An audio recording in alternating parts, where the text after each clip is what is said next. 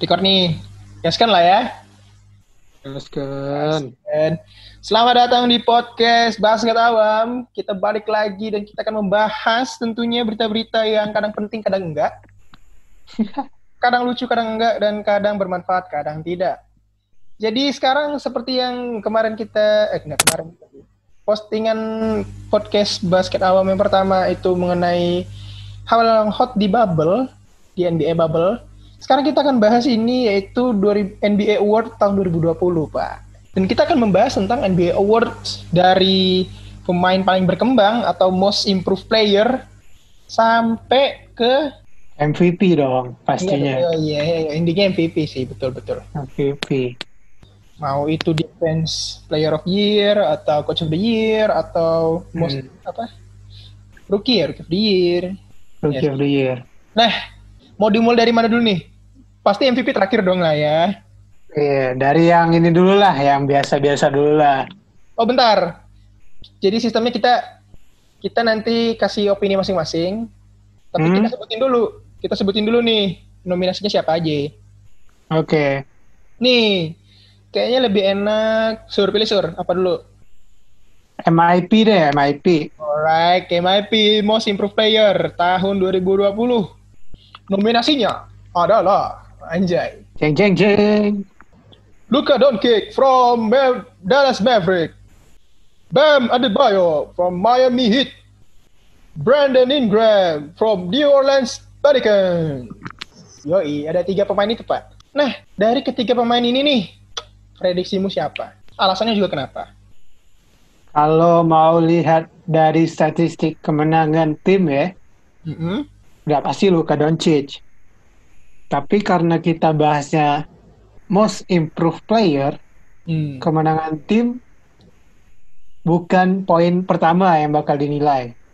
Ya, Statistik pen- peningkatan pun harus dilihat juga. Dan kalau menurut gua Brandon Ingram sih. Sebenarnya gua sebenarnya nih sebenarnya Kenapa? opi- Ini kenapa kok bisa? opini pribadi nih. De gua menyayangkan ada satu pemain yang nggak ke highlight. Ini honorable honorable mention aja nih. Asik. Devonte Graham. Oke, oke. Devonte Graham from... Devonte Charlotte Graham from Charlotte Hornets. Alright. Kenapa tuh? Kok bisa ada... Kalau kalau menurut gua Devonte Graham itu emang improve banget bos tahun ini. Gak tahu kenapa gokil aja gitu. Tapi sayangnya emang timnya emang lagi kacau aja. Karena ada di Hornets saja.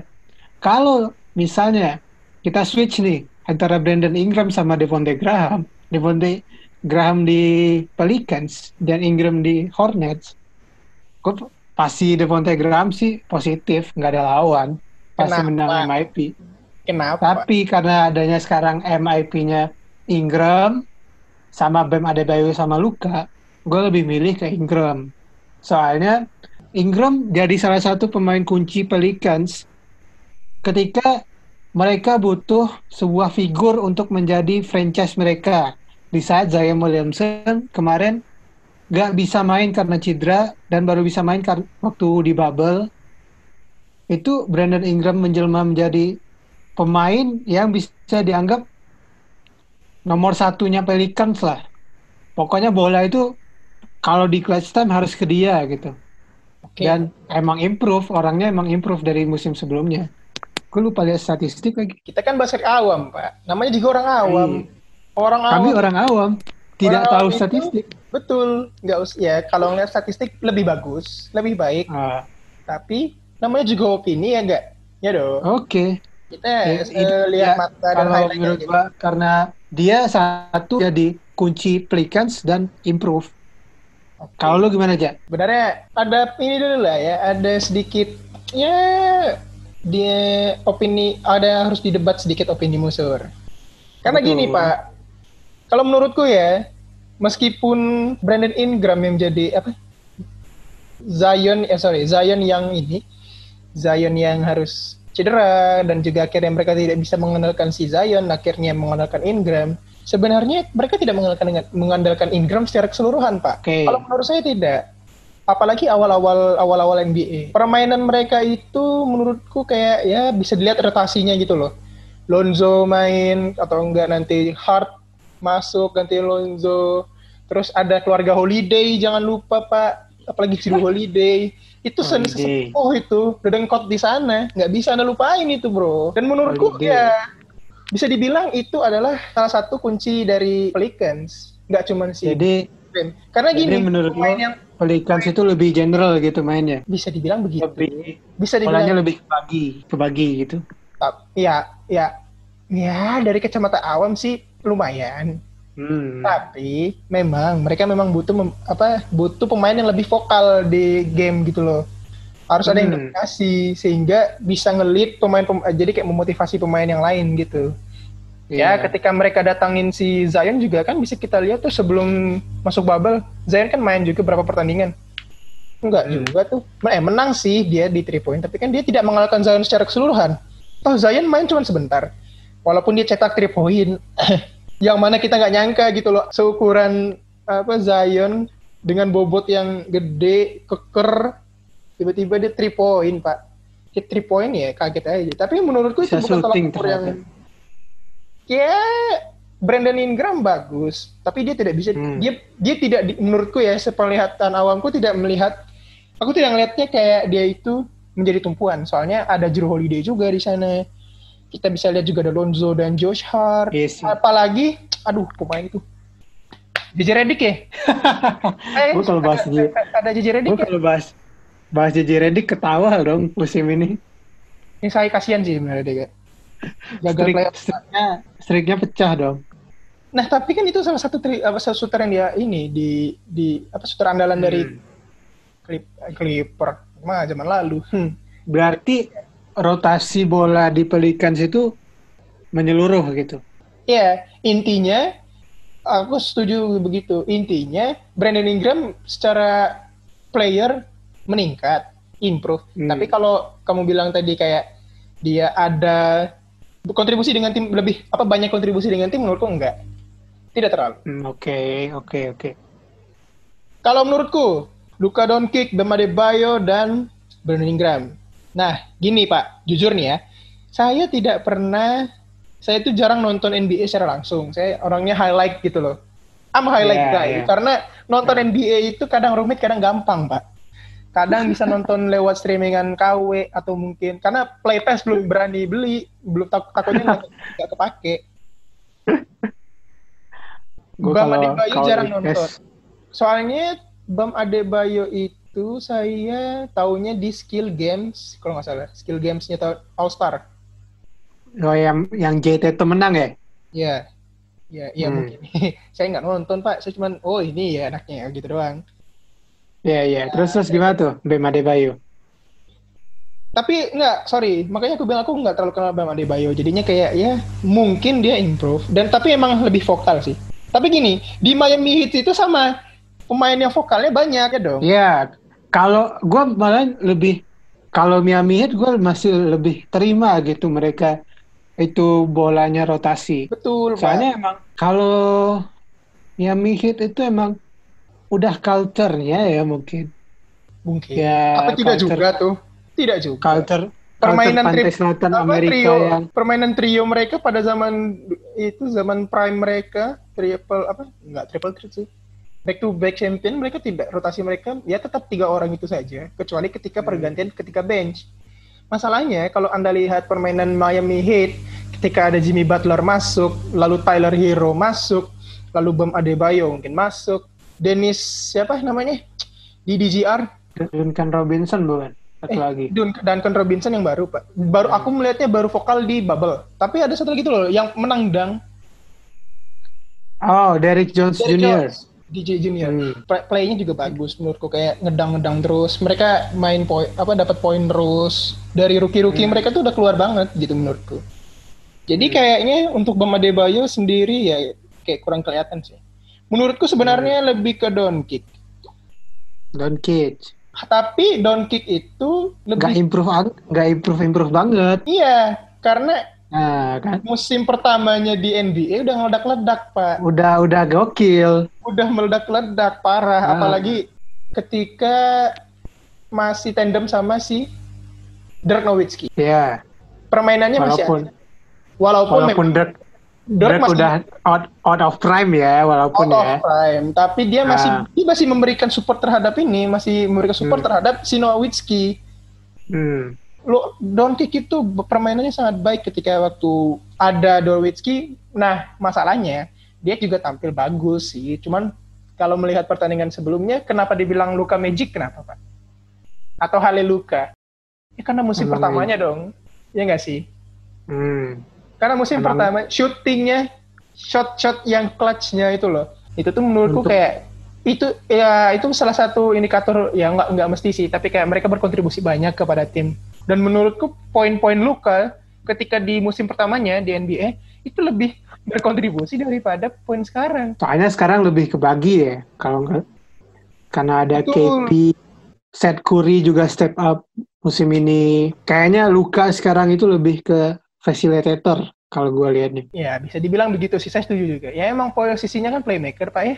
Menurutku memang harusnya tugasnya sih membantu mengalirin bola segala macam. Tapi permainannya apik juga kok. 2020 dia bisa dapat triple double nggak sih? Banyak triple double-nya kan? Banyak triple double-nya, tapi nggak ngitung sih berapa. Pokoknya salah satu saingan-saingan sama Brody sama Joker lah. Betul. Jadi menurutku karena lebih banyak ya aku menghitungnya dengan kontribusi dia dengan di poin ya. Menurutku ya Luka Doncic. Luka Doncic. Oke. Berarti Surya, kamu Brandon Ingram Brandon Ingram dengan alasan step up di tim step up di Pelicans menggantikan Karena- Zion. Oke, menggantikan Zion. Ya kalau aku sih Hmm. karena Luka Doncic karena dia udah cetak triple double-nya dengan ya lumayan konsisten sih. Walaupun di bubble dia kurang kurang gahar. Hmm. Tapi itu hal yang lain. Oke, next Pak. Six man player of the year. Eh, six man Nah, of the ini year. suka ya? Man of the year. suka nih gua nih. Ini nih. Ini nih. Tim tim gua masuk gua nih soalnya. Oh man. Ya, yang pertama kandidatnya Pak. Lou William from Los Angeles Clippers. Lalu ada. Dennis Schroeder from Oklahoma City Thunder. The next is Montrez Mon Montrezl Harrell. Ya, Montrezl Harrell from Clipper ya? LA Clippers. Los Angeles Clippers. Aku nebak dulu. Gampang kok Apa? aku bilangnya ya. Pasti kamu Lou William. Enggak, salah. Ah, bohong. Enggak, sumpah gua lebih ke Montrezl Harrell. Nih kenapa nih? Coba alasannya. Lou William mungkin sebagai kalau gua lihat ya, Lou William musim ini lebih ke mereka kan kalau di Clippers itu mereka kayak ada uh, tim starter dan tim tim reverse. Dan tim reverse ini itu yang lead itu Lou William sama Montrezl Harrell. Oke. Ketika Lou William bermain dengan Montrezl Harrell, Lou William justru lebih banyak se- sebagai fasilitator Montrezl Harrell musim ini kalau gue lihatnya. Oke. Dan gak segahar musim kemarin ketika dia menang back to back six six man of the year. Oke. Kalau gue lihatnya gitu. Dan kalau gue lihat juga Montrezl Harrell step up sih musim ini dari statistiknya. Hmm. Tapi gue juga gue juga gak menafikan ya Dennis Schroeder bisa bisa steal the award. Of course. Schroeder- Of course. Dennis Schroeder. Ini agak one bias of- sih. I'm a little one bit of the three- right now. One of the three head dragons in the thunder, bos. That's it. Setuju sih. Jadi ya ini berat, tapi gue lebih beratnya ke Montrezl Harrell karena dia emang kelihatan di lini kedua Clippers itu ketika Harrell nggak main itu berat, Hmm. baik dari segi defense maupun offense. Tapi ketika contoh mereka main Clippers ketika Harrell nggak ada itu ketika di bubble kemarin. Oke. Ambil contoh ketika lawan lawan Phoenix Suns itu ka- kalau nggak salah ya, kalau nggak salah, kalau nggak salah gue ya, Kalem, Pak. itu Harrell nggak main. Oke. Dan akibat dari itu, poin poin yang didapat oleh Clippers bisa tight game sampai ketika buzzer beaternya Devin Booker. Kalau menurut gua kalau De Montrezl Harrell main nggak sampai segitunya lah. Nah, Pasti dominasi Clippers kalau kata gua. sorry dipotong nih. Tapi boleh tahu nggak menurut kau kan kamu kan ini nih apa fanboy garis keras Los Angeles Clippers karena first team Ah. lah ya, first team yang, di- Ah. yang pertama kali dilihat. Nah, sebagai mantan bandwager. itu si Mon Montrezl Harrell itu di posisi apa sih sebenarnya Pak? Kalau boleh tahu, big man dia di posisi mana? Kalau dia dibilang center, undersize. Kalau dibilang power forward, mainnya kayak center. Tapi undersize pun ya Dennis Rodman dia nggak terlalu bulky, nggak terlalu Kal- Kalau di- bisa dibilang Montrezl itu lebih ke center sih menurut gua. Berarti Soalnya posisi big man posisi dong? power forwardnya, iya big man. Power forwardnya itu kalau di second second line, up-nya itu Joakim Noah. biasanya ini Michael Green, kalau enggak Patrick Patterson. Ah, I see. Soalnya mereka lebih stretch four kan. Iya, Dan. Montrezl Harrell ini center pakem lama. Central, ya, ya, oke, oke. Center Ya, pakem lama ya. permainannya mau tradisional lah ya. Iya di dalam, di dalam. Tapi dia box ya ini, box gesit, gesit dan strength-nya ada. Ah, Dan tapi gue lebih berat ke Dennis Schroeder dan Montrezl Harrell. Menurut gue Lou William justru nggak bakal masuk. tapi Persaingan lebih sekarang itu adanya di Montrezl Harrell dan Dennis Schroeder. oke. Tapi gue beratnya di Montrezl Harrell. Kalau menurut lo gimana aja? Simple sih. Simple, Bro. Ayolah, come on? Bro. Saya sebagai kayak ini subjektif, sangat subjektif. Dan juga karena saya Subjektif. bias sih. Dennis Schroeder is one of my yeah, I believe that he's gonna win the six of six man of the year, man. Come on, let's go. Kita lihat dong permainan-permainannya. Sebenarnya menurutku dia lebih masuk ke most improve. Tapi nggak bisa improve. Nah iya, most improve bisa tuh. Menurutku kontender most improve sih si dia. Terus six man-nya si Shy, Shay, Ale, si Gilgis SGA Tapi nggak bi- nggak bisa sih, soalnya dia lebih si Shai lebih lebih dominasi. posisi dua Iya, starter dia ya. ambilnya di starter, betul. Tandemnya si ini, tandemnya Chris Paul, betul. CP3. Iya, yo, easy Fitri from your team, man. Los Angeles Clippers. Tapi gini, Sir. Sebelum masuk ke pe- opiniku ya, aku mau nanya nih. Tadi kan kamu bilang eh, dia lebih cocok ke center. Si Montrezl Harrell. Montrezl Harrell lebih ke center. Pokoknya dia lebih ngatur defense dan juga mungkin kadang-kadang offense saya. Apalagi Hmm. offensive rebound-nya. Nah, pertanyaanku simple. Oke, tadi kamu bilang dia main stretch four. Nah, Enggak, dia nggak main stretch Enggak, four. sorry, sorry, sorry, sorry Pak, sorry ya, sorry guys, sorry, sorry. Ya, dia lebih di center dan pemain lain ngambil posisi stretch four. Jadi bar kata Ah.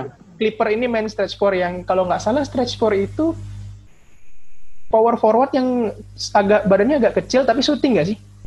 Shooter nggak Power sih? forward, pokoknya power forward yang bisa nembak. Iya, tiga. posisi empat yang nembak, ya nggak sih? Hmm. Nembak three lah, bisa. nembak three.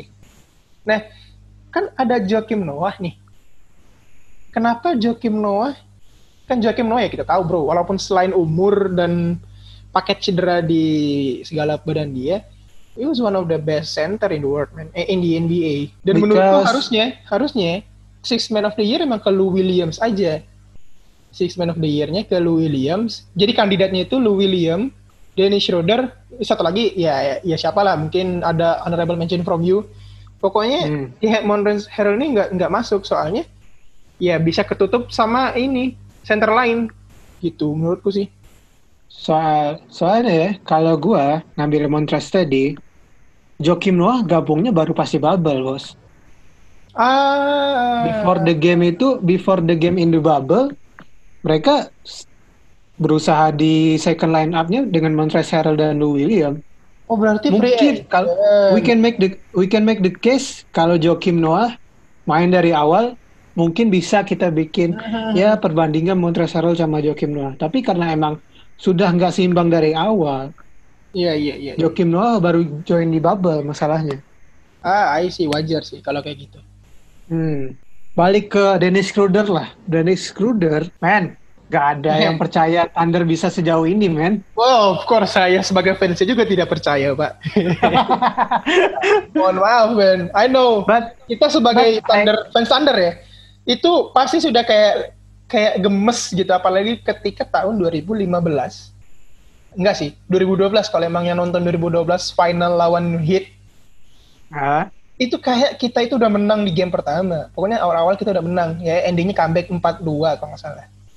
hmm, 4-2, ya hit on 4 gitu loh.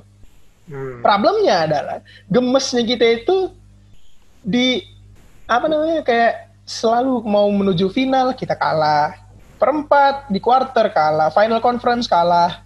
Uh, sama si itu GSW dan akhirnya my my favorite player itu bandwagon gitu kan pergi ke sana. Tapi si kampret menang pula lagi dia menang dua ring terus dapat satu MVP final. Eh satu atau dua MVP final? Satu nggak ya? Satu lah ya. Satu dia satu. satu karena satu lagi itu setiap kali dong harusnya. Bukan satu lagi Clay. final MVP-nya Andre Iguodala. ah Andre oke I mean like oke lah dia dapat eh, kan kampretnya. Saya sebagai fans yang waktu itu sakit hati pak. Sakit. Ya kalau misalnya jadi kayak sakit hatinya gitu tuh udahlah ah ini mah kayak gini terus pernah apalagi Brody ya kita pegangan kita cuma sama Brody bro. Hmm. KD hilang endingnya kita ke siapa? Ke Brody. Brody akhirnya bertahan berapa satu tahun ya? Setahun habis itu MVP kan? Sa tahun MVP 2017 Satu. eh, Iya kan 16 16 KD. Eh Hmm. 15 KD. 16 pindah sih KD. 16 ini yang menang Cup Curry. Eh enggak sih? 15 Kuri kalau nggak salah. Oh iya. Google. Eh Google dulu, Google. pokoknya itulah ya, saya lupa. Hmm. Kalau ada yang tahu guys, bisa komen di bawah, bisa caci maki saya, no problem. Kami kami siap menerima hujatan. Yo, Pak. Kita santai. ya, karena mungkin dari rasa kayak kecewa dan ya walaupun ya kita pasti ada kayak ya nggak mungkin lah ini. Ya masuk final masuk playoff aja tuh udah uh alhamdulillah. Uh akhirnya terima kasih Tuhan gitu loh. Tapi kayak nggak bakal ya ya udahlah gitu. Ah paling progres ah gitu. Dan puncaknya Brody keluar pindah ke Rocket pak. Kayak ya almost bandwagon loh tapi ngelihat akhirnya ngelihat yang datang siapa kan yang didatengin di di Rocket yang di trade siapa Chris Paul terus dapat klip dari Clippers juga itu si Shea akhirnya Shea. menurutku dengan tambahan Schroeder emang udah main di sebelum ini sebelum mereka berdua dong Hmm. and my Kiwi Man gitu loh Aquaman itu tuh akhirnya dapat tandem ya kayak Galinari terus kayak Hmm. ada pemain yang apa rookie yang step up seperti Noel dan ya. dan sebagainya lah ya menurutku ya. Jadi kayaknya akhirnya anjir ini progres nih Joy nonton loh i akhirnya Tapi kenapa? gue mau quote dikit ya, quote. Ya gue nggak salah pernah ngomong, pernah denger di podcastnya Box to Box gitu. Another OKC fans, Bang Iril bilang Yoi. dia dia seneng lihat OKC musim ini. Karena Siapa yang mereka karena fans Thunder itu nggak punya ekspektasi apa-apa untuk Siapa Thunder musim ini. Pak? Pak, Jadi siapa ketika ke- ketika mereka akhirnya bisa mematahkan ekspektasi itu, bahagianya bukan main sih. Gila, itu sampai posisi 4 sih gokil sih Pak. Gila, kok nggak nyangka loh. Soalnya kan kemarin tahun-tahun kemarin kita ya either 8, terus di posisi Hmm. kayak 6. Jadi kan kalau First round exit. First round exit, anjing. ya jadi intinya aku lebih kayak kaget sih ngelihat si Schroeder step up gitu. Dan kelihat, kelihatan kok permainannya lebih lepas semenjak Brody pindah. Iya nggak sih? Hmm, iya betul betul. dia lebih lepas gitu loh. Jadi six man lebih, Lebih- jadi oh terus kayak menurutku gini entah kenapa ngelihat permainan si Schroeder ini kayak dia itu lebih cuma bukan cuma apa ya ikhlas gitu. Dia lebih kayak lebih lepas, berdamai dengan lebih diri. lepas dia mainnya. Enggak pak, ya satu lebih lepas. Maksudku kayak ya udah dia nggak mau egois gitu loh. Coba pikir, Shea itu baru loh pak, Iya, iya, masih iya. muda. Schroeder udah lumayan berpengalaman main, apalagi di OKC. OKC dia dia di OKC dia udah lumayan lama loh. Mungkin sekitar satu atau dua tahun gitu. Sebelum adanya Paul dan Schroeder, eh dan SGA, Paul dan SGA. dia itu main di ini emang sebagai six man di ini six man six man-nya OKC dan menurutku le- sangat sangat enak melihat dan adem melihatnya gitu loh. Bisa dia nggak egois. Padahal kan ya you know lah mungkin di sana ada ke, ada ini kan. Dia six man o- o- otomatis kalau dia menjadi six man dia mau melebih dong harusnya kan. Tapi dia Dia nggak dia bersedia mengorbankan egonya betul. tim. Oke sih. iya. Jadi kayaknya menurutku six man tuh ya kayak gitu Hmm. orang yang rela orang yang rela bermain di bench eh orang yang walaupun dia punya capability sebagai starter ya. betul ibarat kata tuh Hmm, kayak iya, iya. tenaga cadangan gitu loh kayak oh Hmm. mereka udah capek nih nah Oke. ini, ini saatnya nih aku babat nih misalnya gue gua babat habis mereka nih di babat Padahal capek gue salutnya Schroeder, makanya gue tadi bilang gue berat antara milih Montrez sama Schroeder. Schroeder itu kan sebelum di OKC di Hawks ya, di Atlanta Hawks. Yeah, Atlanta Hawks. Itu dia sebagai starter. Ah, Dan makanya. sekarang dia bisa merelakan itu sebagai six man, makanya Betul. wah ini Montrez ber- berat nih buat dapat six man kalau lawannya Schroeder nih. Itu gue pikir dari tadi. Di samping di samping aku ngeja aku jarang nonton Clippers main dan nggak ngelihat si ini ya Montrezl Harrell. Tapi Hmm. kalau ngeliat Lou Williams aku pasti udah tahu karena ya permainan Lou Williams gitu loh.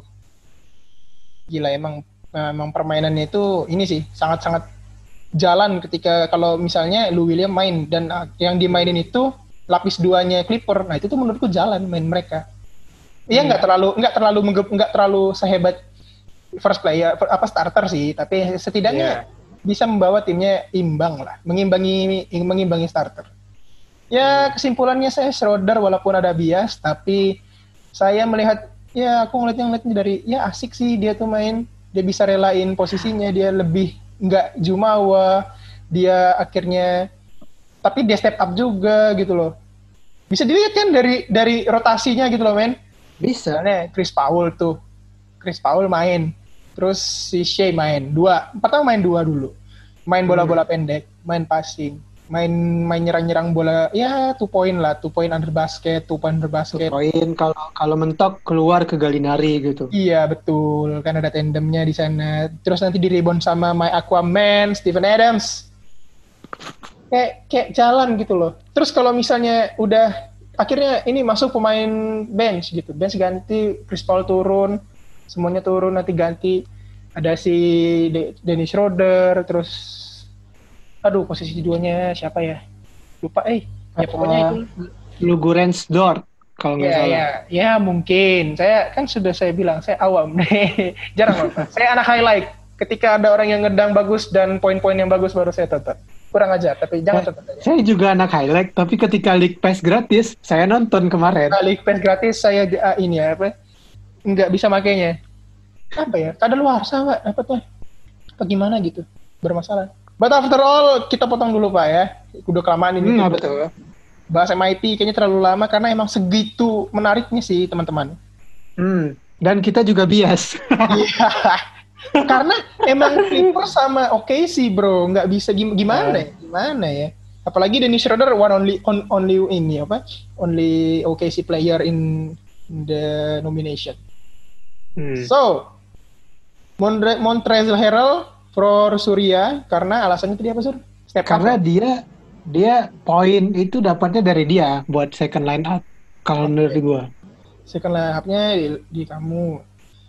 Ya kalau aku sih Dennis Schroeder ya, of course karena dia Hmm. bisa dia bisa meredam emosi dia satu dan yang kedua rencana apa rotasi guard gitu, rotasi pemain small man-nya oke sih itu jalan kalau berjalan dengan baik gitu loh. Jadi nggak kacau, bisa mengimbangi inilah. Bisa jadi nanti ketika ya di second half mungkin yang main si ini si Schroeder itu it's okay juga nggak masalah permainannya masih jalan. Mereka tiga-tiganya tiga-tiganya bisa ngontrol permainan. Betul, itu setuju saya. Makanya ya six man-nya kalau bilang ini ya pasti six man-nya menurutku playmaker. Dan yang playmaker satu-satunya yang bisa saya lihat dan bersinar di nominasi ini Dennis Schroeder. Next, kita ke mana nih? Mau Dipoy, mau Dipoy dulu atau coach dulu? Coach dulu deh, coach. Coach ya. Aduh, anjing nggak tahu pak saya pak. Oke, Sama pak, saya jadi juga gelap. oh, ada ada nominasi yang pertama ada Nick Nurse. Ini Nick Nurse dari mana pak? Nick Nurse Raptors. Toronto Raptors. Oh ya oke. Hmm. Mike Budenholzer. Coach Bud uh, Giannis Milwaukee Bucks. Milwaukee Bucks. Yang terakhir Billy Donovan, of course man. Masih. Itu saya. Oke. Coba Dari lo dulu aja. dari aku Gimana dulu. tuh? Oke gampang. Kan tadi Nick Nurse Raptors. Mike Hmm. Budenholzer itu Bucks. Bucks. Billy Donovan. Wah ini susah sih. Ini nggak bias ya teman-teman. Ini nggak. Sebenarnya mau bias. Soalnya yang aku tahu tuh cuman Billy Donovan. Of course man. My own. Iya, Billy saya sefanatik itu dengan Oklahoma City Thunder. Tapi gini pak. Nick Nurse dia berhasil membuat permainan Raptors tidak bergantung dengan Kawhi. Hmm, bener. Lalu Mike Budenholzer, ya, saya baru tahu namanya sekarang sih ya, Nick Nurse dengan Mike Budenholzer. Tapi kalau lihat permain dari Milwaukee Bucks, Bucks sangat konsisten. Win streak sampai berapa waktu itu? Pokoknya dia itu masih di bawah. 9. Pokoknya streaknya itu Yang pas awal pas awal musim ya. Iya, awal ya Iya. pertengahan sih, awal sampai pertengahan musim itu dia sangat stabil. Bahkan mengalahin dulu kan saingannya sama Lakers kan. Iya, Lakers. Menurutku sih itu. Nah, Billy Donovan menurutku sama membuat akhirnya Billy Donovan tuh ngeluarin strategi mereka. Nggak tahu sih ini kayaknya antara hoki si Billy Donovan-nya apa emang dia itu ketemu racikan yang pas setelah Brody itu keluar. Udah lama tapi mereka nggak bisa si Billy ini nggak bisa ngeluarin si Brody soalnya Brody ini ikon kan ikon oke sih kan. So dari ketiga ini aku siapa ya? Yes nggak ya? Anjing anjing. Nick Nurse deh kayaknya. Nick Nurse. ya. Meskipun Mike Budenholzer Mike Budenholzer itu bisa bikin timnya itu stabil terus Billy Donovan itu juga bisa menemukan racikan yang tepat tanpa ada ya cuma satu inilah. Ibarat kata tuh cuma satu apa satu all star gitu loh. Hmm. satu terus Bener, juga bener, bener. kayak sisanya itu ya Racing Star. Tapi aku milih Nick Nurse karena coach Raptor ya. Raptor itu dia dia nggak nggak tahu kenapa mantan pemain mantan most improved player Pascal Siakam pak. Itu yang kayaknya menurutku. Jadi kayak Pascal Siakam.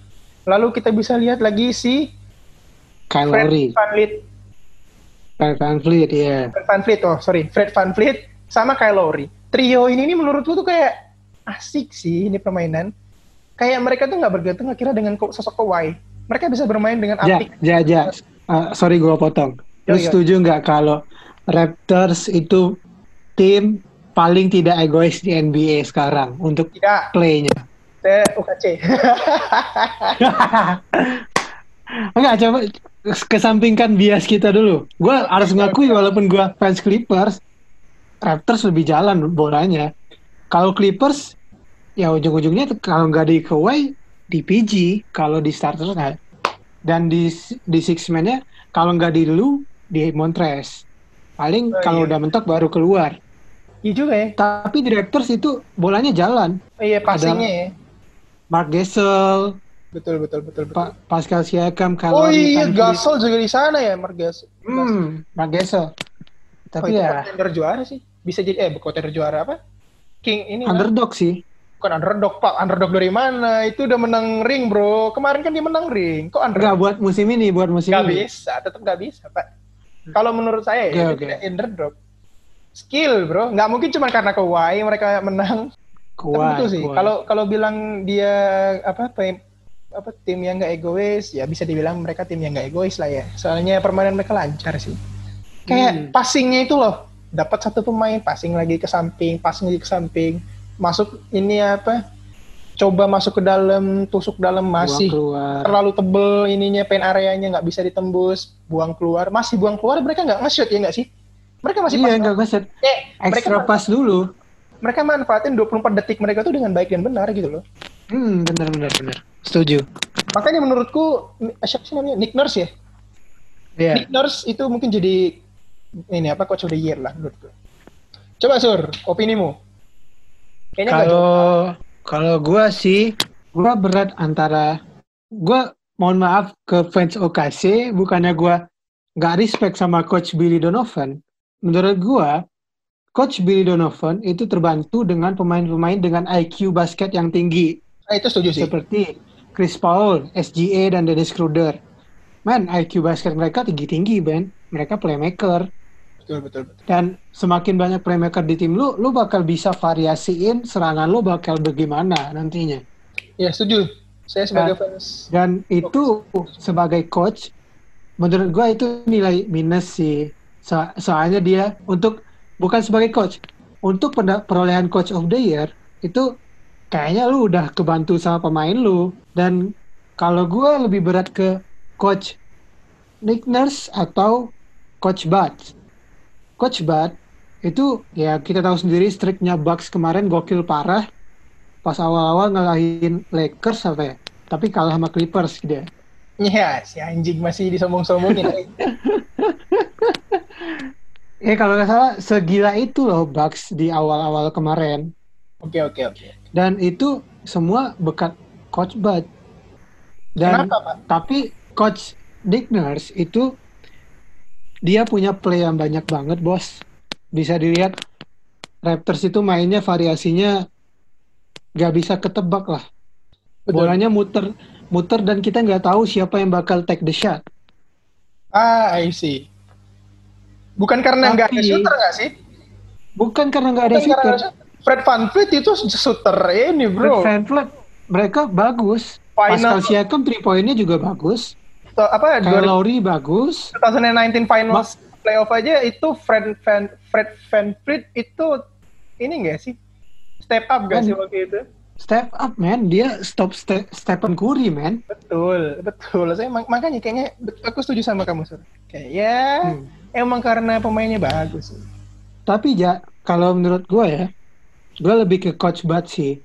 Soalnya kita ngelihatnya dari rekor rekor musim reguler juga kalau buat coach of the year.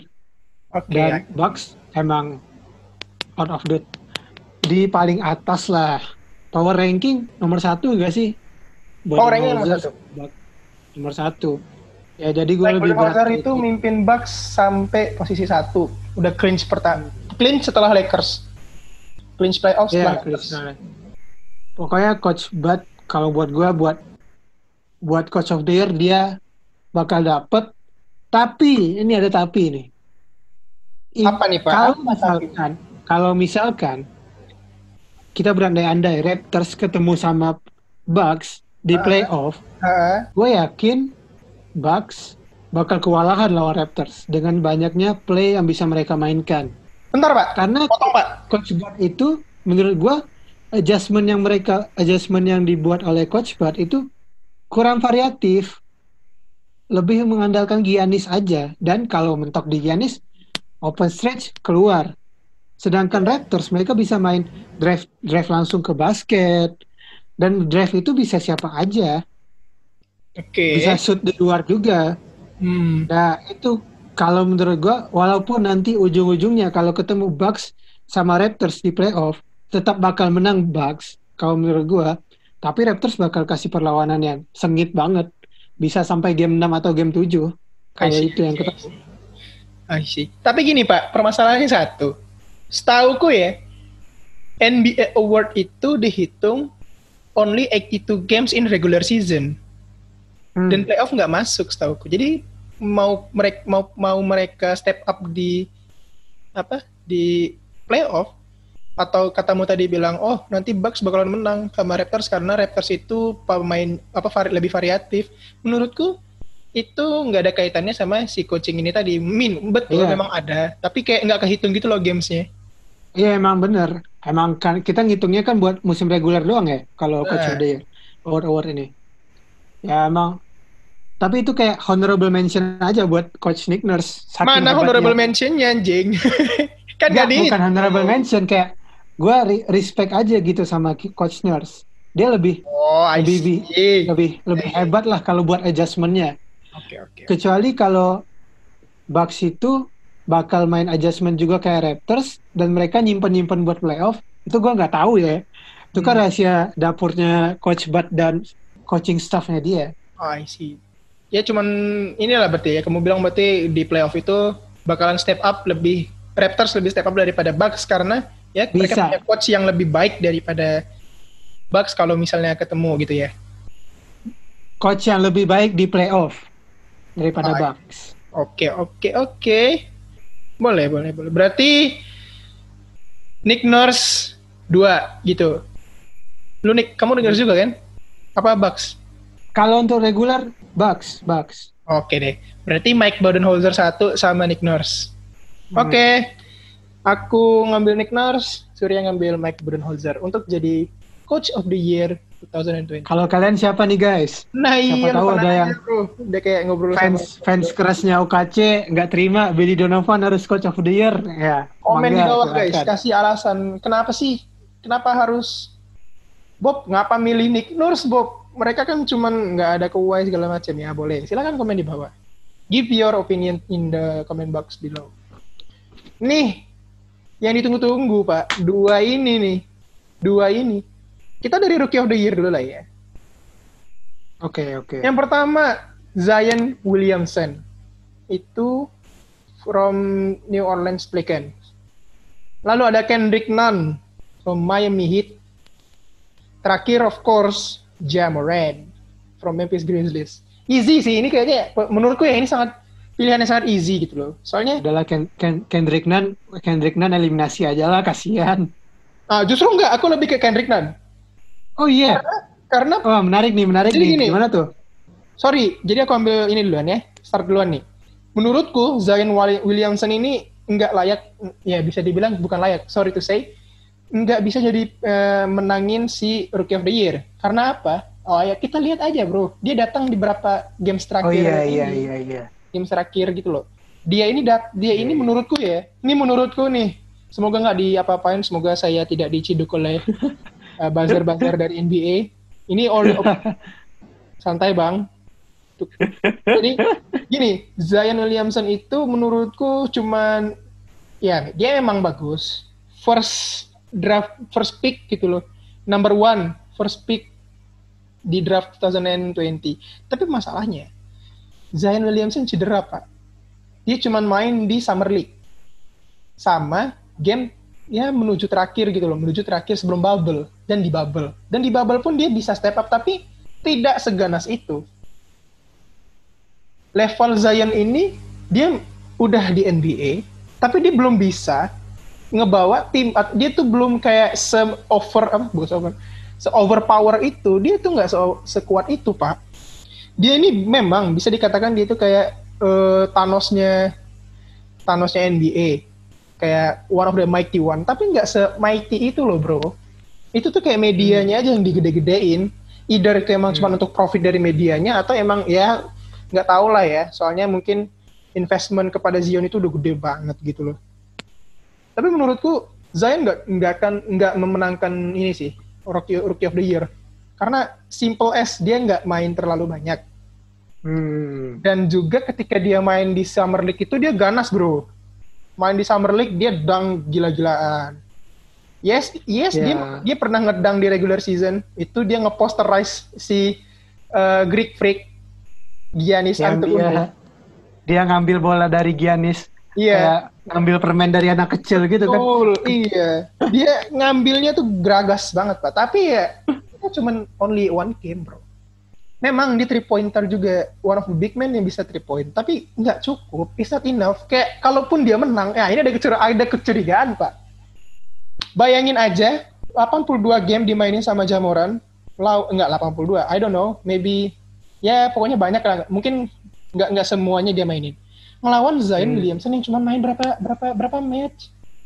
It's not Iya. it's not fair at all gitu loh. Menurutku ya harusnya yang masuk itu bukan Zion Williamson. Siapa tuh? Kalau nggak RJ Barrett, Kobe White. RJ, sama satu lagi? Siapa? Kobe White. Kobe White. Oke, oke, oke. Ibu. Oke, oke. Tapi ya balik lagi sih mereka berdua itu memang kurang kurang step up. Hmm. Oh enggak, paling kalau mau bukan Zion, Siapa tuh? Ben Simmons. Ben Simmons. Enggak Pak, jokes jokes. Aduh, nggak nggak saya, boleh saya lah. juga, saya juga fans Ben Simmons. Saya juga fans Sixers, bro. Ben Simmons power shooting dia apa ya? Guard forward terbaik gitu. Pokoknya dia bisa guard, dia bisa all position. LeBron, LeBron. Enggak juga sih. Prince, Enggak. Prince, Prince William apa Prince Simon kalau mau. Jadi kan kalau King James dia Prince Simmons. Oke, jadi intinya menurutku Zion tidak cocok untuk menang Rookie of the Year, tapi aku lebih ke Jamoran. Easy, Pak. Jamoran ya. Oi, bro, siapa yang mau ngedangin si apa Kevin Love? Hampir loh, itu hampir merusak karir Hampir. seorang Kevin Love. Kevin Love sudah di cave, ditinggalin LeBron, Makanya. kena posterize, udah Makanya, hancur karir. Hampir. Kayak, terus juga Grizzlies itu lebih step up gitu loh. Dia bisa ngebawa nama Hmm, Grizzlies iya. balik lagi. Wah, ada nama tim namanya Grizzlies nih, Memphis Grizzlies. lah, iya kan di tahun kemarin nggak sekeren itu, Pak. Walaupun Bandwagon yang baru ngikutin NBA baru tahu, oh ada Grizzly. Iya, saya juga dulu begitu. Next, gimana Pak pendapatmu Pak? Sama? Aku dengar pendapatmu tadi ya. Gara-gara dengar pendapat lu tadi, gue jadi, gue tadi lupa. Jujur aja gue lupa kalau Zion itu mainnya nggak dari awal. Hmm, Makanya gue tadi ke Jamoran atau Zion. Tapi karena dengar pendapat lu tadi tentang Zion itu emang nggak main dari awal, gue baru ingat, oh iya, ternyata emang nggak nggak balance gitu. Ya mungkin Zion masuk nominasi karena ya perjudian Las Vegas lah. ya kan. Au, au, au. Bukan saya Pak, Pak FBI bukan saya ya. Semoga saya tidak diciduk malam ini ya Tuhan. Ya. Ya mungkin ya. baik kok. Hmm. Kenapa ya tuh? begitulah Zion itu kurang pantas ya masuk nominasi karena emang game yang dimainkannya kurang gitu. Gue setuju sama lu tadi, Kobe White kayaknya lebih deserve ya. Iya lumayan. Kobe Soalnya, kalau untuk milih antara RJ sama Oh. Kobe White, sorry, sorry dipotong, sorry dipotong. Kayaknya kamu pasti setuju nih, bukan Kobe White, siapa tuh? Tyler Hero, Pak. Oh iya Tyler Hero. Tyler Hero harusnya harusnya sih Tyler Hero, Pak. Iya nggak sih? Tyler Hero, iya iya. Gak jadi Kobe White, Tyler Hero, Tyler Hero. Kayaknya itu honorable mention kita deh. Itu harusnya honorable mention Ya. kita. Pak. Iya, honorable mention. Gimana Kobe White Pak? kayaknya nggak nggak jadi masuk gara-gara ada Tyler Hero. Yang yang punya balls gitu, yang punya yang punya mentality kayak ya kayak gitu ya cuman Jamoran. Yang kayak si Tyler Hero berani ngambil shot ini shot-shot penting. Men, Hmm. apalagi di Miami Heat, kita tahu ada Jimmy Butler, bro. Jimmy Butler itu salah satu Bro. pemain yang memiliki ego tinggi, tapi dia juga ada tapi tinggi. tapi kalau lo mainnya benar sama Jimmy Butler lo bakal Iya. di respect sama dia. Bener, kayak lu bisa, eh, kamu bisa nentuin respect ke aku dulu, baru kamu bisa ini apa? Aku bantu, ibarat kayak kayak gitulah ya, menurutku Hmm, lah. hmm. Dan kita lihat Tyler Hero itu berapa kali dia three point yang di itu tuh sebagai big pointnya hit gitu loh. Turning pointnya tuh di situ di Tyler Hero menurutku. Hmm. Tyler Hero. Gue lupa loh ada Tyler Hero. Makanya, mas kenapa Tyler Hero dilupain? Itu easy easy as banyak dari dari di hit itu ada Kendrick Nunn, Duncan Robinson Derrick lagi. Duncan Robinson, Derrick Jones Jr. Iya, ya wajar kalah pak. Hmm, Toh juga kan Tyler Hero Iya. itu shooter shooter. dan shooter Mungkin karena dia mungkin karena dia shooter makanya kita lupa. ah bisa jadi karena Soalnya shooter itu ada Jimmy Butler. Kita sebagai penikmat-penikmat highlight tidak terlalu banyak melihat highlight Iya. shooting. Betul sekali. Kita melihatnya ya dang. Dan Itu kalau Hero masukin 6 per 6 3 point, ya itu baru nah, itu baru masuk highlight. baru masuk highlight. Betul, betul, betul. Tapi Iya iya iya. Saya lebih respect ke itu daripada si Zion sih harusnya.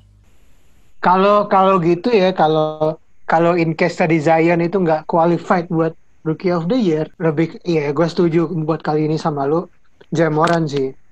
Jamoran Udah nggak nggak ada lawannya lagi. Iya, Kendrick Nunn, Kendrick Nunn bagus. Gue nggak bilang Kendrick Nunn jelek. Kendrick Nunn bagus. Dia bisa jadi playmaker yang ngisi posisi second line up atau kadang-kadang dia juga jadi starter buat buat gantiin Goran Dragic yang jadi playmaker di Miami Heat. Hmm. Tapi ya belum sejamoran gitu. Itu aja. Makanya Jamoran is in another enggak. level. gimana ya? Aku ngelihatnya tuh kayak ada ada aura-aura Derrick Cross coy. Ya, ya, ya. Ya, gue Kayak juga dia sama. langsung dia gitu. masuk di Memphis tuh udah masuk, wih udah fit gitu. Wah ini nih cocok nih jadi jadi guard andalan guard nomor satu. Hmm. Dan emang dia buktiin, maksudnya dia emang buktiin. Apalagi waktu itu lawan siapa ya? Harden ya kalau nggak salah ya, nantangin shot. tuh? Dia dia kayak trash talk gitu, terus nantangin ya shot gitu. Karena kan dia di take shot kan Oh akhirnya. iya. Hmm. Ya lawan lawan Rockets kalau nggak salah. Iya, Iya menurut- benar. menurutku itu tuh kayak man mentality kayak gitu didapetin dari rookie mau rookie itu udah main kek main di luar kek main gimana kek dia still rookie main in, in NBA Hmm. tapi mentalitas kayak gitu wah rookie of the year mentalnya udah ada ya. betul pak betul Berarti bisa disimpulin nih guys. Uh, kita berdua buat yang satu ini satu suara nih dari tadi nggak ada yang satu suara. Ini kita setuju Jamoran bakal Rookie of the Year. Harusnya sih begitu. Gimana teman-teman kalian lebih setuju Jamoran atau mungkin kalian tidak setuju dengan saya karena saya mengeluarkan Zion Williamson dari list? Saya juga tidak setuju kalau Zion Williamson ada. Ah, tadi Anda setuju, kampret. Karena Anda bilang tadi ada poin yang penting, saya lupa poin penting itu, makanya saya setuju. Karena Anda bias, karena emang Zion itu sudah terliput media sangat banyak sekali. Iya. Next, ini terakhir. Kalau... Nah, terakhir nih bahasannya nih. Eh, Menurut eh, belum, belum. Ada yang belum. Defensive oh iya, pemain bertahan ya, Oh iya, sorry guys. Sorry teman-teman, maaf teman-teman ya. Pemain bertahan terbaik tahun ini atau Defensive Player of the Year. Nominasinya ada jeng, jeng. Rudy Gobert from Utah, Utah Jazz. Giannis Antetokounmpo from Milwaukee Bucks. And Anthony Davis from Los Angeles Lakers. Nah ini berat nih. Soalnya aku gua dulu deh. Aku gua dulu deh. Gua dulu. Eh?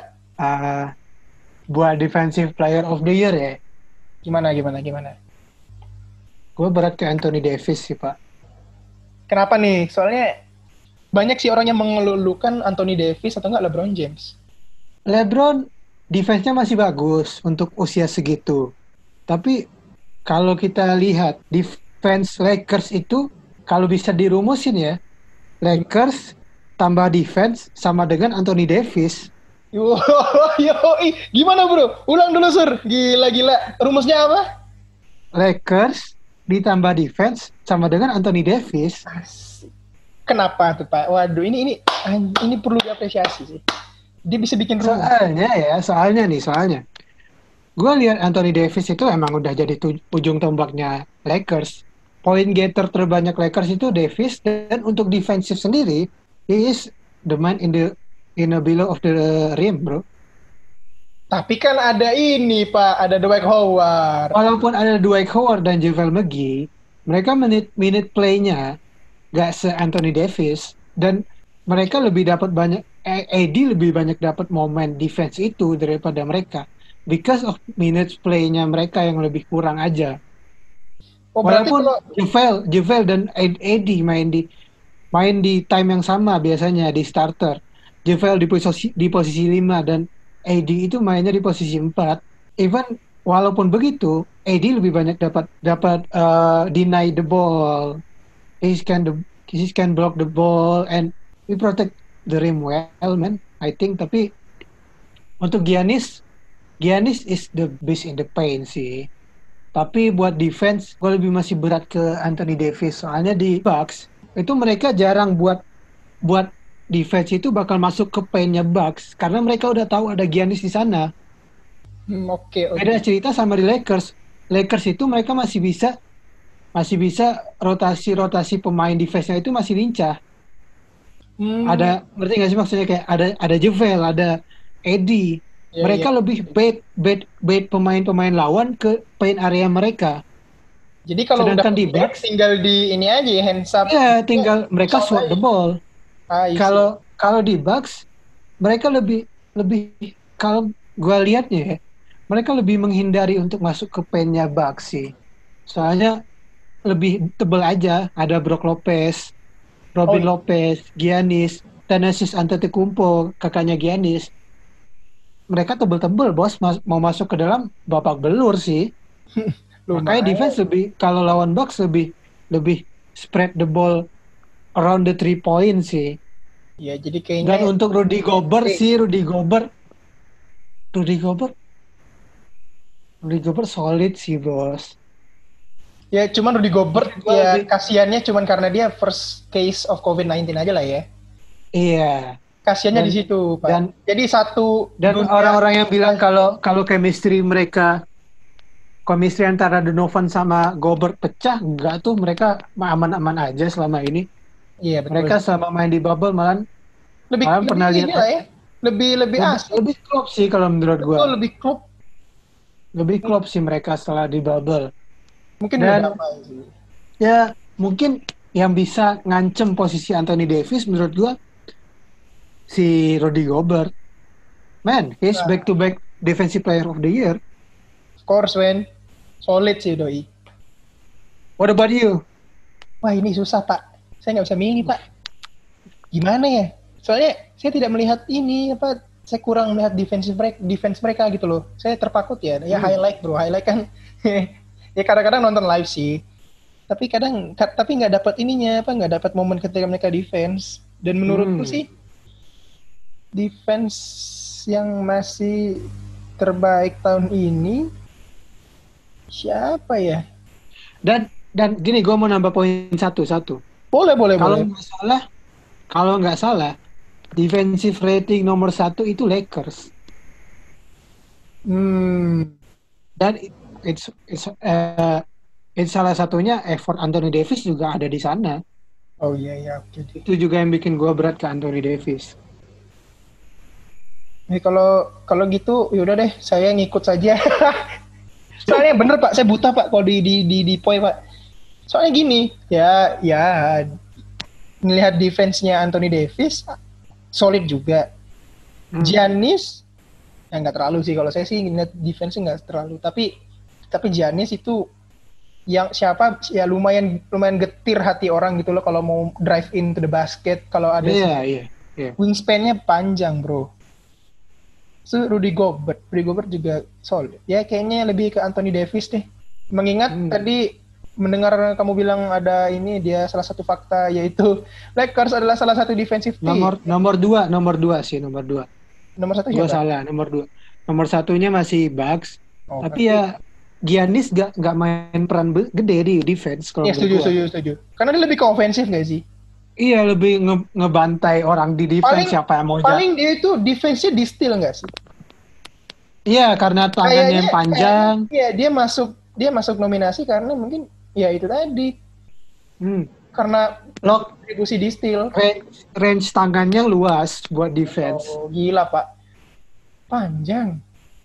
Kayaknya latihan maling mangga zaman dulu, Pak. Saya tetap Anthony Davis kayaknya. Anthony Davis.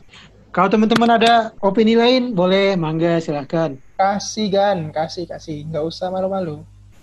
Nah, terakhir Gan, terakhir ini menu-menu menu utama dan penutup.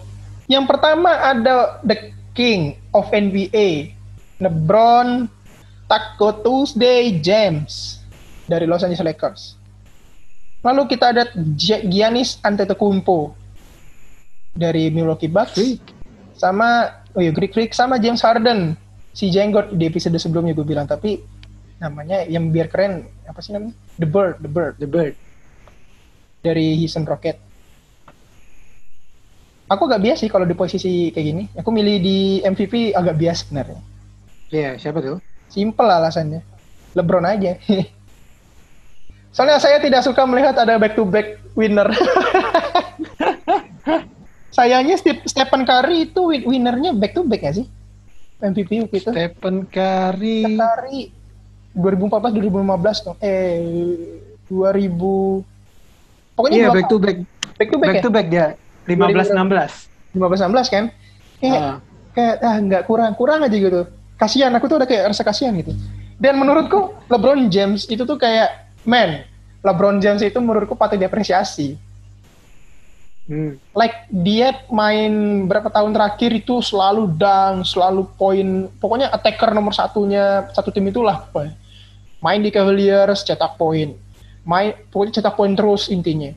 Dia main di Miami Heat, tandemnya ada Dwayne Wade, pasti cetak poin, cetak dunk, kasih highlight reel segala macem. Hmm. Dan menurutku ketika dia di Lakers tahun pertama, dia nggak seperti sekarang. Tetap dia tuh, dia tetap ada apa apa namanya? Tetap ada rasa mau scoring terus. Jadi ego untuk skor itu masih ada, nafsu buasnya itu masih ada gitu. Tapi ketika dia di tahun sekarang, dia lebih kayak ada rasa mengalah dan ya jadi dia jadi sempat jadi point guard gak sih? Dia jadi playmakernya Lakers. Iya, dia jadi Karena point guard. Rondo cedera kalau nggak salah. Iya. dan juga Isaiah Thomas waktu itu dipindahi di trade ke Washington Wizard. Wizard kalau nggak salah. Hmm, Wizard. Nah menurutku gitu sih. Simple as that. James Harden, eh yang kemarin Giannis Antetokounmpo. Eh, ya, Saya tidak suka orang yang back to back. Dan yang terakhir James Harden. Mungkin James Harden banyak yang berpikir kayak give it to the James Harden because they scoring hot streak in the apa in the regular season last regular season. Kayak dia cetak 60 poin, 50 poin. Dia sama kayak Dame Lillard lah. Three poinnya tuh rata-rata ya 50% ke atas gitu. Three point hmm. attempts-nya. Terus turnovernya juga ya turnovernya juga lumayan banyak sih tapi ya tapi menurutku mungkin karena dia tuh he is the greatest pointer ever dia tuh scorer greatest scorer greatest scorer I mean he is the hmm. greatest scorer tapi kalau untuk jadi MVP lagi kayaknya enggak deh hmm. aku lebih ke James King James ya itu okay. tadi men kalau bisa menang di umur segitu gokil sih I mean like come on man. He's on he's he's berapa ya? 30 lebih lah. 35, 30, 34, I don't know. Sekitar itu, sekitar itu. Dan itu tuh dengan he's old, man, he's old. sekarang uh. masih ngedang, ngedang itu masih apalagi yang waktu setelah Kobe meninggal, Rip Kobe, dia bisa apa yang backboard back apa back dia kan nggak masalah back backboard ya? Reverse reverse, oh, reverse slam dunk Sliver slam dunk itu little bit mirip hmm. sama si Kobe. Yang menurutku itu kayak, man, he's he's 35, 34. Oke. Okay. I, I, I got your point. I got your point. Uh, okay, my turn. My turn, right? Of course. Uh, Give your opinion, man. Uh, I agree with you about James Harden. James Harden is not in MVP condition right now. Why? Because in Thunder right now you have Russell Westbrook. Lo bakal pasti bakal bagi bola ke Russell Westbrook dulu. Even kalau di dalam di dalam setiap Thunder main itu Westbrook dan Harden main ber, bersama. Pasti bakal ada satu yang step out duluan. Bakal digantiin sama kalau nggak salah Ben McLemore yang gantiin yang gantiin di posisi guardnya. Hmm. even itu antara antara either James Harden atau Russell Westbrook pasti ada yang step out duluan dan tetap bakal pakai satu satu playmaker betul dan menurut gua karena distribusi minutes ini itu sedikit banyak bakal mengurangi ya ke MVP-an James Harden sih. Dan satu lagi, hmm. satu lagi, dia defense-nya defense-nya masih kurang. Ayolah, sih. kayaknya MVP tidak terlalu berpikir tentang defense deh. Menurutku kayak tidak terlalu. Gue masih masih orang yang berpikir pakem lama kalau MVP itu most valuable player. Berarti lo orang yang paling berharga di sebuah tim. Betul. Lo bisa ngangkat tim itu ke kemenangan yang banyak. Betul. Dan juga lu harus main in in each of the in each of the end of the basketball. Even is either is offensive or defensive play. You must play great in that two sides of the basketball court. Iya benar sih. Tapi kalau gue masih berpikir kayak gitu. Menurutku gini pak. MVP. Gini, sir. Menurutku still adalah salah eh sorry rebound adalah salah satu defense. Benar, benar, gue setuju. Ya, kita bisa lihat lah James Harden ini dia masih memiliki statistik triple double, bro. Kalau berarti ini, maaf. ketika dia udah mencetak triple double, dia sudah berkontribusi dengan baik, ya nggak dong? Dia ada offense, offense-nya dari point dan assist. Terus bisa kita lihat di defense, ya walaupun dia defense-nya kayak ya tidak, ya malas-malasan, terus turnovernya sering karena traveling. Hmm. Tapi dia tetap memberikan kontribusi di defense dong dengan rebounds dia. Iya, walaupun rebound itu adalah hasil dari box outnya big man lah ya. Iya, iya, betul. Kalau gue lebih mandangnya rebound itu bukan statistik defensif. Uh, rebound itu statistik netral. Ah iya, setuju, setuju, setuju. Ada offensive rebound. Poin dan poin sama assist itu statistik offense steal sama defense, steal sama block itu statistik defense. Dan uh. rebound ini posisi netral kalau menurut gua. Mm-hmm. Makanya gua nggak even dia cetak triple double berapa banyak pun gua belum melihat itu sebagai defense yang baik. Karena emang defense itu jujur ya, emang kalau kita lihat defense itu nggak ada nggak ada standar yang jelas, men. Orang yeah. pada males lihat defense. Yeah. Orang pengen lihat lihat offense offense yang caur gila gokil kayak James Harden. Iya benar sih. Tapi menurut gua, menurut gua dan mungkin sebagian pendengar yang lain yang bakal dengar podcast kita, Gimana? mereka pasti bakal ada yang mikir defense is part of the game. if you want to get the MVP, you did great in the defense. Tapi Pak, Itu ya, sih. tapi Pak nih, tapi bukankah Nah, itu. offense the best offense is the best defense? I don't believe in that word. come on man, come on man, you can you can see that. Ada faktanya Pak di bubble bisa kita lihat sebelum bubble. Good, good, good Gini Pak, offense. saya gini loh, Bapak bisa Bapak bisa lihat di keadaan di Rocket tidak memakai big man karena dia menjual siapa itu namanya? Uh, Clint Capella. Ya, dia menjual Clint Capella. Which is sebenarnya dia menghilangkan part of defense, right? Dia tuh udah misahin defense. Benar, benar, Ini defense, benar. sabar dulu. Nah. Kita gedein di offense. Makanya menurutku dia udah percaya dengan the good offense is the best is the best defense. Ya, mungkin sekitar itulah presisnya aku lupa. Because of that, I had Mike D'Antoni, bro. Because of that, I had Mike D'Antoni, bro. Tapi berjalan, Pak. Itu berjalan dengan baik walaupun bukan untuk Berjalan, tapi kalau berjalan, tapi untuk untuk sustainable defense yang begitu nggak akan lama. Lihat aja di di di playoff bakal babak belur Rocket kalau masih gitu-gitu aja. setuju sih. Capek dong offense ya. Capek lawan lawan lawan Javel McGee, Anthony Davis, Ivica Zubac, Montrezl Harrell, sama Ya. kalau di Portland Ya Yusuf kita langsung bilang aja. Jangan langsung berharap dia bisa lawan tim-tim kayak gitu. Ya langsung face to face aja lah. Contohnya apa? OKC kan dia kan lawan OKC nggak sih? Iya, lawan. OKC kita Man, lihat lawan Stephen man. Adam, man. You know Stephen Adams. Tapi Stephen Adams itu juga ya. Tapi jangan lupa Pak, rata-rata pemain apa? Pemain dari Houston Rocket itu hustle mereka tinggi. Hmm. Brody. Tapi untuk untuk di seven series game, mereka nggak akan tahan buat main defense begituan sih. Ya, benar. Bakal PJ Tucker di sangat- Mike D'Antoni PJ sangat Tucker di di bawah bakal dihabisin sama Stephen Adams kalau 7 game Ih, setuju sih. babak belur. Iya. Nah, balik ke tadi MVP itu, gua setuju sama lu James Harden. Ya, he's not a good defensive player. So, Dan le- buat LeBron, buat LeBron, LeBron I put respect on his name. Di umur segitu, dia masih main dengan kondisi yang wah, lima. masya It's a Allah, bit prime, man. Masih kayak masya Allah prime sekali, dia. bro. Tapi Kayak no flaw. menurut gua, menurut gua ada satu yang gua nggak setuju sama poin lo tadi. Gimana tuh? LeBron di Lakers itu sudah beda sama LeBron di Cavaliers. Benar. He's more than he's he's more than facilitator facilitator than scoring. The Indeed. scorer is Anthony Davis. Benar. LeBron adalah LeBron di Lakers itu pelayan Anthony Davis. Dan kenapa musim kemarin mereka nggak works? Karena LeBron udah menganggap, oh gue udah tua, gue nggak akan kuat main scoring-scoring gila-gilaan.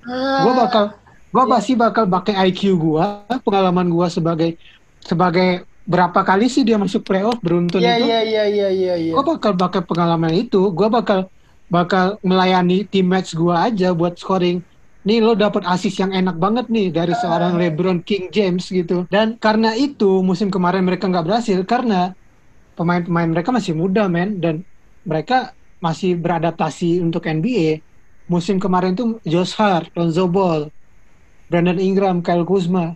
Even ketika mereka dapat great pass from LeBron mereka nggak akan selalu poin karena mereka masih adaptasi.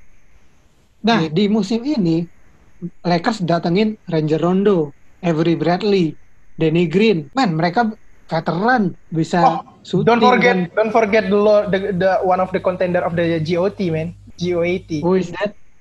Caruso. Oh, man. Put respect on him. because of this, I hate the big market team, man. Tapi tapi Caruso itu bukan pemain bukan pemain yang super gitu loh. Dia berangkat dari apa? Dia berangkat dari D-League. Hmm, dari Dilik. Dari D-League Dan- akhirnya naik masuk Lakers. Grindingnya bagus. Lo, lo, Ya. lo tau nggak kesan gue pertama lihat Caruso? Ah, ini white man yang bisa syuting doang nih. Gak Eh, bakal masuk-masuk ke dalam. Gak taunya, men. Ngedang-ngedang dong. Gila, Anda terlalu underestimate terhadap ini ya. Saya, maaf kalau rasis ya. Maaf. Caruso itu wah pecah, Pak. Terus Untuk Giannis bagaimana Pak? Balik ah, belum yang yang LeBron tadi he's more than Oh, facilitator. Alright. Dia dia dia cuma jadi fasilitator aja di tim ini Hmm. dan kalau menurut gua scoring is part of the MVP juga. ya, kalau lo nggak bagus-bagus sama di scoring, ya oke lah LeBron bisa bisa beat and beat Giannis di poin asisnya. Tapi Giannis punya defense man, dia finalis defensive player of the year juga Iya. dan scoringnya bukan main-main walaupun asisnya nggak sebanyak LeBron. Tapi dia punya aspek yang lain yang lebih unggul dari LeBron menurut gua. Yaitu Tapi bakal berat antara LeBron sama Giannis sih menurut gua dan gua I don't like James Harden at all because of his lack of defense. alright. So you're so traditional man, right? Yeah, I think so. Oke oke. Jadi intinya Giannis is the MVP of Yeah, 2020. Giannis Giannis is the MVP of the 2020 20 or 21? 20 dong. 20 ya? 20 NBA season. 2020, 2020. 2020. 2020. Hmm. Oke. Kalau aku sih pasti LeBron ya. Kayak alasan tadi. Soalnya saya mau Hmm. lihat LeBron di umur segitu ngangkat trofi. Tapi gua gua bisa ngerti sih perspektif lo tadi. Yang Gimana? bilang, "Man, dia umur 30-an, man. Come on. He's be the the oldest MVP, one of the oldest kalau nggak the oldest. The Ya, kalau the oldest MVP kan winner. Vince Carter. Kalau Vince Iya. Carter kan dia MVP, MVP Oh, MVP winner, winner. oldest MVP Sorry, winner. sorry, sorry. One of the oldest MVP winner. I see, I see. Makanya bisa cetak gue juga pengen, gue juga juga tertarik sih lihat itu. Kayak, Anjir, kayak di manusia. record, man. Kayak dia break the record lagi, bikin rekor baru gitu loh. Ya, tapi Dan ini ini bisa disambungin ke pembicaraan God juga sih. asik udah spill the tea ya enggak? Bisa bisa bisa. Kalau kalau dia dapat MVP musim ini, dia bisa masuk. Para para para brown seksual bisa bisa ini sih bisa bikin case. Oh, LeBron di usia segitu MVP, Michael Jordan Bagi anak-anak apa? Anak-anak basket atau abas abas ya panggilannya. Abas-abas di Indo yang seumuran kita di lahir di di 99 2020 pasti LeBron nggak sih? Hmm. Ba- enggak.